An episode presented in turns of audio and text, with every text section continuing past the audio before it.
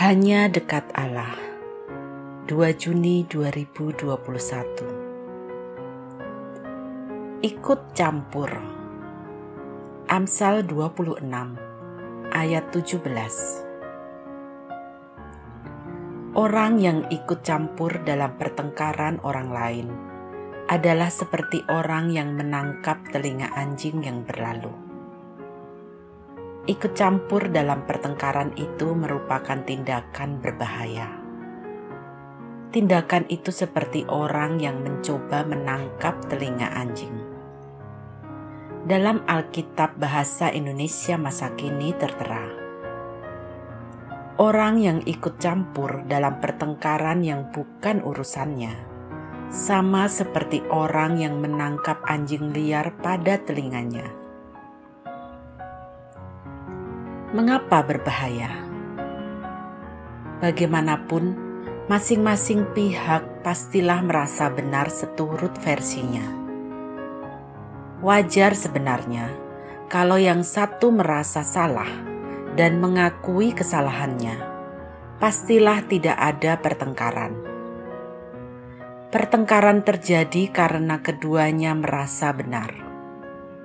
Nah, kalau kita ikut campur, bisa jadi kita malah dicurigai pihak yang bertikai karena dianggap membela lawan. Namun, apakah kita tidak boleh mendamaikan kedua pihak yang sedang bertikai? Tentu boleh-boleh saja. Itu jugalah panggilan setiap umat percaya. Dalam khotbah di bukit, Yesus orang Nazaret berkata, Berbahagialah orang yang membawa damai, karena mereka akan disebut anak-anak Allah. Matius 5 ayat 9 Dalam Alkitab Bahasa Indonesia masa kini tertulis, Berbahagialah orang yang membawa damai di antara manusia. Allah akan mengaku mereka sebagai anak-anaknya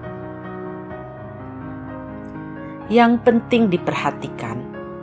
Jika kita hendak menjadi pendamai di antara dua orang yang bertikai, kita harus membuka telinga lebar-lebar dan mau mendengarkan versi masing-masing.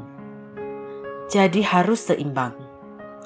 Hanya dengan cara demikian, kita akan mendapatkan kepercayaan penuh dari pihak yang bertikai. Dan hanya dengan cara demikian, perdamaian bisa diwujudkan. Jika hanya mendengar satu pihak saja atau bersikap tidak adil dalam memberi perhatian, kita tak ubahnya menangkap telinga seekor anjing liar.